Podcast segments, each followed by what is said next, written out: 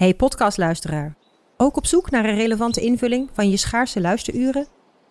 Tune dan in op de podcastserie ESG, even samengevat van BNP Paribas. Wij, Marloes en Aldert, spreken daar duurzame voorlopers en wereldverbeteraars. Waarover dan? Nou, bijvoorbeeld of we ooit duurzaam kunnen gaan vliegen. En waarom koeien in de stad nou een goed idee is? Dat en meer elke twee weken in een nieuwe aflevering. Dus abonneer je. ESG, even samengevat. Al 125 jaar kwaliteit voor jou thuis met Miele. Dat vieren we met jou. Ontvang nu tijdelijk een cashback tot 125 euro op veel Miele-apparatuur. Geniet van de kwaliteit van Miele. Voor perfect verzorgd wasgoed en kleding die veel langer mooi blijft. Voor een stralend schone vaat, even perfect als jouw diners. En een stofvrij thuis waarin echt hygiënisch schoon de standaard is. Check miele.nl voor alle feestelijke aanbiedingen.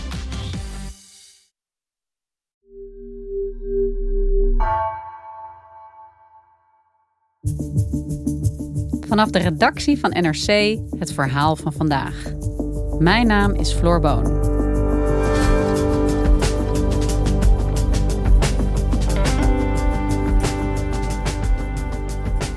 Het is een uitspraak die een schok door het bankwezen liet gaan.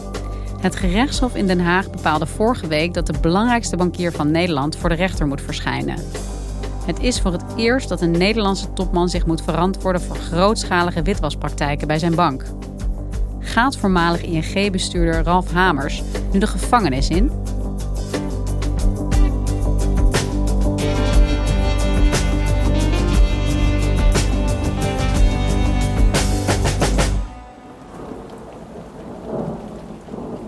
Het is Tashkent, de hoofdstad van Oezbekistan.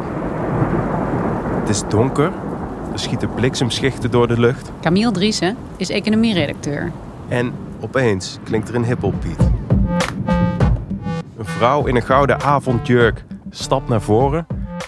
Haar blonde haren wapperen in de wind. De vrouw begint te zingen. You look fine, but what's going on in your mind? Eh Camille, wa- wat, wat is dit? Wat beschrijf je hier? Waar, waar, waar kijken we naar?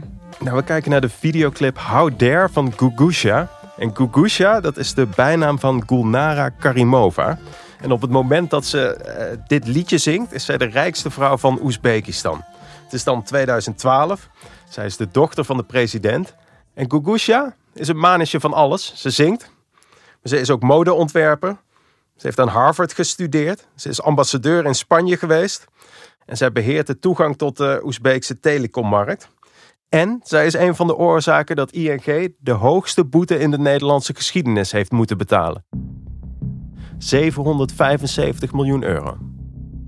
En ook de reden dat Ralf Hamers, de oud-topman van ING, nu strafrechtelijk vervolgd moet worden. Voor het eerst moet een topman van een Nederlandse bank zich verantwoorden voor een fraudezaak bij zijn bank. Gerechtshof in Den Haag heeft bepaald dat oud-ING-topman Ralf Hamers wordt vervolgd. En wat heeft Gogusha, deze Oezbeekse vrouw, dan te maken met ING en met de topman van ING, Ralf Hamers? Nou, Gugusha, als presidentsdochter, eh, regelde zij telecomvergunningen. En daar betaalden telecombedrijven grif voor. Ze werd dus omgekocht om eh, toegang te verlenen. En het viel bij justitie op dat best wel vaak als er eh, witwaszaken eh, eh, gemeld werden, of als ze die ontdekten, dat dan ING de bank was die gebruikt werd in, in de witwasconstructie. Gulnara Karimova, Gugusha die we net hoorden, die werd dus via rekeningen van ING omgekocht. In 2016 is justitie al verschillende van die, van die witwaszaken gaan bundelen, gaan onderzoeken. En toen stuitten ze echt op, ja, eigenlijk op een gigantisch lek bij ING. Ehm, en toen hebben ze ING uiteindelijk een eh, ja, transactie, heet dat, een schikking aangeboden van 775 miljoen euro. En door deze schikking kwam een streep onder de witwaszaak te staan. En hoefde bijvoorbeeld de oud-topman van ING, Ralf Hamers, zich helemaal niet te verantwoorden voor wat er al die jaren dat hij de leiding had bij ING misging bij zijn bank. Hamers die eh, vertrok deze zomer naar Zwitserland en die werkt nu voor UBS, een hele grote Zwitserse bank. Als wij dat zouden doen, nou, dan breekt de pleuris uit. Ja, zo is dat gewoon. Een heleboel mensen waren nogal boos dat Hamers eh, zich nooit heeft hoeven te verantwoorden voor de rechter over ehm, ja, wat er allemaal mis was onder zijn bewind. Nou ja, ik vind dat, ieder, dat eh, als je rechtvaardig bent, dan moet iedereen vervolgd worden. Ze staan op een heuveltje, zeg maar. Ze zijn een beetje onaan- onaantastbaar eigenlijk. Enorme fraude is dat. En die ja, had aan de rechter moeten worden voorgelegd. Ze komen iedere keer er weer makkelijk vanaf. Ik lees ook dat het OM geen personen heeft, heeft kunnen eh, aanwijzen die verantwoordelijk kunnen worden gehouden. Dat, dat, dat, dat, dat snap ik niet, want er zijn wel, wel degelijk mensen die verantwoordelijk zijn voor de compliance, voor de checks en balances. En als die er echt niet te vinden zijn, dan is er nog altijd de eindverantwoordelijke en dat is Ralf Hamers. En nu heeft hij opeens een enorm schandaal in Nederland aan zijn broek hangen. En moet hij alsnog strafrechtelijk vervolgd worden voor al die jaren dat het bij ING fout zat. Hey, Camille, wat is er misgegaan bij ING? Wat is er volgens justitie nu verkeerd gegaan bij het witwassen? En waar is de bank de fout mee ingegaan? Witwassen is in feite crimineel geld, wat je als zwart geld zou kunnen eh, bestempelen, wit maken, dus legaal maken. En dat kan je doen door het eh, via verschillende bankrekeningen eh, rond te sluizen. En bijvoorbeeld een nepfactuur maken. Hè, van ehm, ik heb hier 10 miljoen eh, euro crimineel geld. En als daar een factuur tegenover staat voor geleverde diensten. en je, je betaalt dat geld. kun je zeggen dat het wordt witgewassen. Want dan, dan heeft het opeens een legale bestemming. Wat bijvoorbeeld bij Gogusha eh, gebeurde. Vimpelcom, een telecombedrijf wat in Nederland een hoofdkantoor heeft, kocht Karimova om via ING-rekeningen. Dus dan werd het geld van Vimpelcom ging naar een obscure eh, vennootschap van Karimova en ING zag dat niet. Ehm, je moet als bank eh, allerlei controles doen. Dat ben je wettelijk verplicht. Je moet controleren wie je klanten zijn. Je moet alle transacties die, die over de rekeningen gaan in de gaten houden en kijken of daar geen criminele zaken gebeuren. Ja, wat is een verdachte transactie? Van, nou, is er een soort eh, minimum geldbedrag vanaf wanneer er eh, wettelijk geregeld is dat er bij banken dat belletje moet gaan rinkelen? het ligt compleet aan de context. Kijk, je kan je voorstellen dat als jij bijvoorbeeld een nagelstudio hebt en je dagelijks ehm 20 briefjes van 500 bij de bank stort, dat dat een beetje raar is. In dat soort gevallen moet dus een, er een alarm afgaan bij de bank en moeten medewerkers van de bank gaan kijken van hey, hoe kom je aan die 500 euro? Waarom rekenen mensen zo vaak af met 500 euro bij een nagelstudio? Is dat niet een beetje raar? Dan zullen ze tot de conclusie komen dat dat raar is. En dan moeten zij een melding van die transactie maken. Maar wat bij ING fout ging, is dat zij eigenlijk nauwelijks of veel te weinig geld staken in die controleafdeling. En het was ook moedwillig, heeft justitie ontdekt. Justitie noemt het dan business boven compliance. Dus ING was erg bezig met nieuwe klanten binnenhalen, zoveel mogelijk geld verdienen. En een best wel treffend voorbeeld wat justitie heeft ontdekt, is dat eh, het geautomatiseerde systeem dat de transacties checkt, werd afgesteld op eh, maximaal drie foute transacties per dag. Daar zitten allemaal categorieën achter, maar veel van die categorieën mochten maar drie foute transacties per dag laten zien. Dus ook al werd het 10 keer of 100 keer uh, wit gewassen, maar drie meldingen kwamen naar boven. En dat mag niet. En um, hoe, hoe, hoe ging dat mis bij Karimova? Wat gebeurde er bij deze Oezbeekse presidentsdochter? Wat bij Karimova had moeten gebeuren, is dat uh, de alarmbellen afgingen op het moment dat er uh, 10 miljoen dollar naar haar werd overgeboekt. Althans naar haar BV op Gibraltar. En de reden is dat zij een PEP is. Een PEP is een politically exposed person.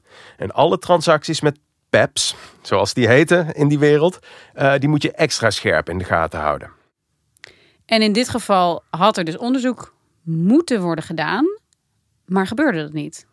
Nee, dat gebeurde niet. Dat is ook een van de hoofdconclusies van justitie. Dat ING structureel fouten maakte en, en criminele klanten jarenlang nagenoeg ongestoord van, van ING-rekeningen gebruik hebben kunnen maken. En deze Ralf Hamers, die op dat moment de ja, eindverantwoordelijke was, hij was bestuursvoorzitter, die heeft dit samen met zijn medebestuur, denk ik dan, allemaal laten gebeuren. Ja, het was niet zo dat Ralf Hamers bij de deur van het hoofdkantoor stond en daar de koffertjes zwart geld aannam. Dat is niet zo. Maar onder, eh, onder zijn leiding heeft ING te weinig geld gestoken in die afdeling die foute transacties en foute klanten moet monitoren. En op de vraag hoe bewust dat risico is genomen en of dat strafrechtelijk verwijtbaar is, kijk, daarover lopen de meningen uiteen.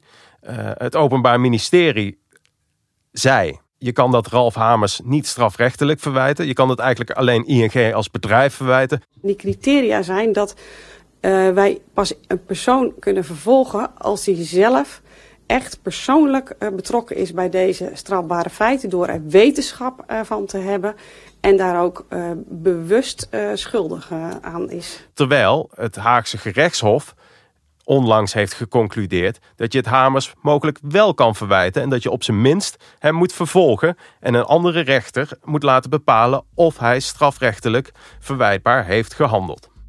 En Camille, wat is er nu anders dan toen? Waarom wordt Ralf Hamers nu toch ineens wel vervolgd?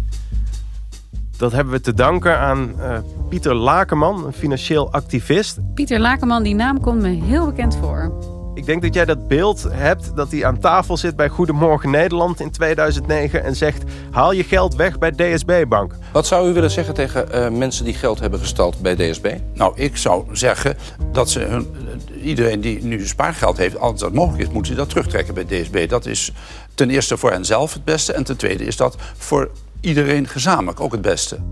Pieter Lakenman heeft de val van DSB Bank veroorzaakt met die oproep uh, aan, aan, klanten van DSB om te zeggen: haal daar zo snel mogelijk je spaargeld weg. Daardoor kwam er een soort van bankrun en duwde die DSB verder de afgrond in, omdat hij vond dat DSB oneerlijke uh, handelspraktijken verrichtte. Pieter Lakenman met zijn stichting Onderzoek Bedrijfsinformatie is hij sinds de jaren 70 al luis in de pels van de financiële sector.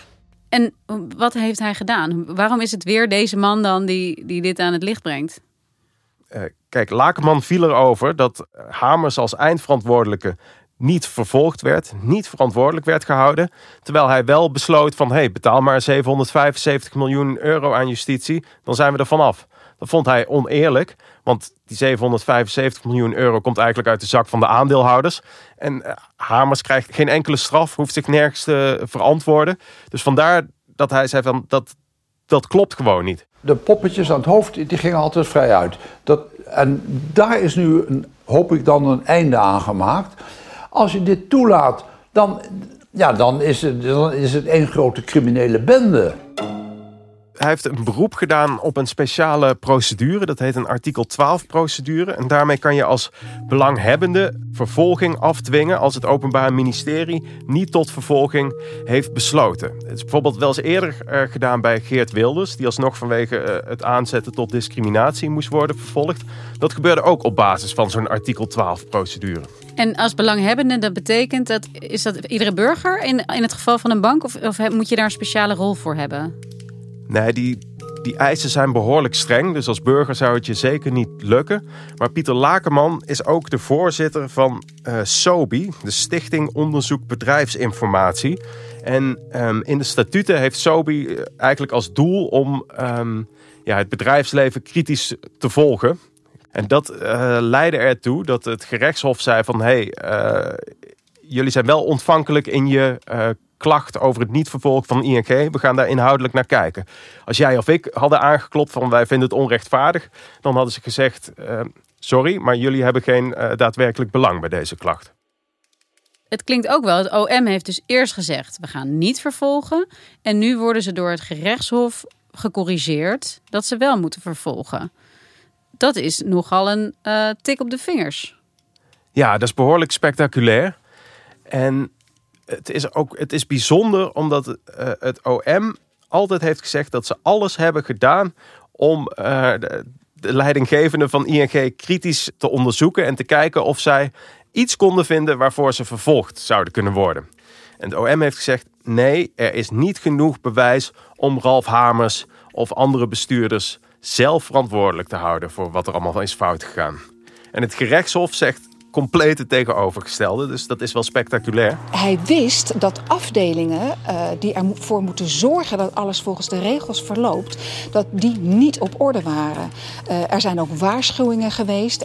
En het Hof zegt ja, dan eh, moeten we zien, dan moet de burger, de samenleving zien, dat ook feitelijk leidinggevende bestuurders, dat die niet vrij uitgaan. En Ralf Hamers zit dus straks tegenover de strafrechter. En het is voor het eerst in Nederland dat zo'n grote bankier strafrechtelijk vervolgd wordt. Hey Camille, dit speelde bij ING en eh, een paar jaar geleden. Zijn er andere vergelijkbare zaken waar dit ook voor geldt?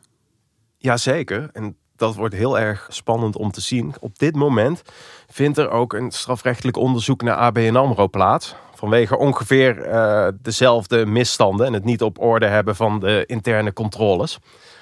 En ehm, er wordt gezegd dat er bijna geschikt is met ABN AMRO. Dus dat er op de achtergrond over onderhandeld wordt. En dit gooit die schikking compleet om. Het gerechtshof eh, Den Haag heeft nu eigenlijk een, een oekase afgegeven. En gezegd dat als er enigszins bewijs ligt dat jij als bestuurder wist dat eh, je klantenscreening en je transactiescreening niet op orde eh, was. En, en niet daar hebt ingegrepen, niet er meer geld in hebt gestoken. Dat jij ook strafrechtelijk verantwoordelijk moet worden gehouden. Dus als op dit moment het Openbaar Ministerie en ABN AMRO onderhandelen over een schikking, ja, dan lijkt het mij bijna onmogelijk dat niet ook de bestuurder die destijds de verantwoordelijkheid had, wordt meegenomen in die schikking. En bijvoorbeeld eh, een eigen boete krijgt. En wie was de bestuurder destijds van ABN? Gerrit Salm, onze oud-minister van Financiën. Dus Gerrit Salm zien we misschien binnenkort ook terug in, het, in de rechtbank hierover. Nou, het kan verschillende kanten op. Kijk, ehm, een reden dat Hamers alsnog vervolgd moet worden, is dat hij helemaal niet in die hele schikking genoemd werd. Dus het gerechtshof laat enigszins eh, ruimte in hoe het Openbaar Ministerie zou moeten optreden. Maar je moet iets met die eh, bestuurder, je moet iets met die topman. En je kan ermee schikken of je kan hem voor de rechter brengen. Eh, meer smaken zie ik niet. En Ralf Hamers, wanneer gaan we hem eh, in de rechtbank zien? Dat is nog onduidelijk. Als het komend jaar zou gebeuren, da- dan lijkt me dat al behoorlijk snel. Ik bedoel, dit soort zaken zijn ingewikkeld, complex. En het Openbaar Ministerie moet een, ja, toch een, een hele nieuwe vervolging eh, op poten zetten. Wat voor een straf hangt hem boven het hoofd? Dat is een moeilijke vraag. Omdat je, je weet nog niet eh, waarvoor het Openbaar Ministerie hem precies gaat vervolgen. Ehm, als als eh, hem hetzelfde wordt verweten als, als ING is verweten, dan is het een vorm van witwassen waar een maximale celstraf van vier jaar op staat of een boete van 87.000 euro. Dat is overigens niet zoveel voor Ralf Hamers. Dus die betaalt liever een boete dan dat hij eh, vier jaar de bak in moet. Ja, maar het is aan de rechter om die straf op te leggen. En volgens mij heeft Ralf Hamers een blanco strafblad. Dus eh, dat hij daadwerkelijk vier jaar de cel in moet, die kans lijkt mij eh, miniem. En ik ben ook benieuwd wat voor gevolgen dit nou voor Ralf Hamers zelf gaat hebben. Ik bedoel, hij heeft natuurlijk die hele mooie overstap naar UBS gemaakt in Zwitserland. En UBS heeft onlangs laten weten dat zij nog alle vertrouwen in Ralf Hamers hebben. Maar het is natuurlijk de vraag of dat vertrouwen er nog is als hij straks veroordeeld wordt. Ook al zou het een boete zijn, eigenlijk. Als je een strafrechtelijke veroordeling eh, krijgt als topman van een wereldwijde bank, dan lijkt mij dat eh, voor die bank lastig. En het lijkt mij ook lastig voor de toezichthouder. Want uiteindelijk bepaalt de toezichthouder of jij wel die bank mag besturen. Hey, en wat is er eigenlijk gebeurd met Gogusha, de Oezbeekse zangeres, de presidentsdochter Gulnara Karimova? Ja, dat is een goede vraag. Dat weet eigenlijk niemand. Haar vader is in 2016 overleden. En daarmee kwam ook een eind aan haar prominente positie in Oezbekistan. Ik geloof niet dat ze nog een platencontract ergens heeft getekend. Eh, er zijn geruchten dat ze zou zijn gearresteerd. Er zijn ook geruchten dat ze, dat ze misschien zou zijn overleden. Maar eigenlijk weet niemand waar ze precies is en hoe het met haar gaat. ING zal geen last meer van haar hebben. Dat, eh, nee, absoluut niet. hey, dankjewel eh, Camille. Ja, het was me genoegen. Dankjewel. Je luisterde naar vandaag, een podcast van NRC. Eén verhaal elke dag. Deze aflevering werd gemaakt door Ido Havinga, Henk Ruigrok van de Werven, Anna Korterink en Jeppe van Kesteren. Chef van de audioredactie is Anne Moraal. Dit was vandaag. Morgen weer. Technologie lijkt tegenwoordig het antwoord op iedere uitdaging. Bij PwC zien we dit anders. Als we de potentie van technologie willen benutten, kunnen we niet zonder een menselijk perspectief. Human-led, tech-powered noemen we dat. Ga naar pwc.nl.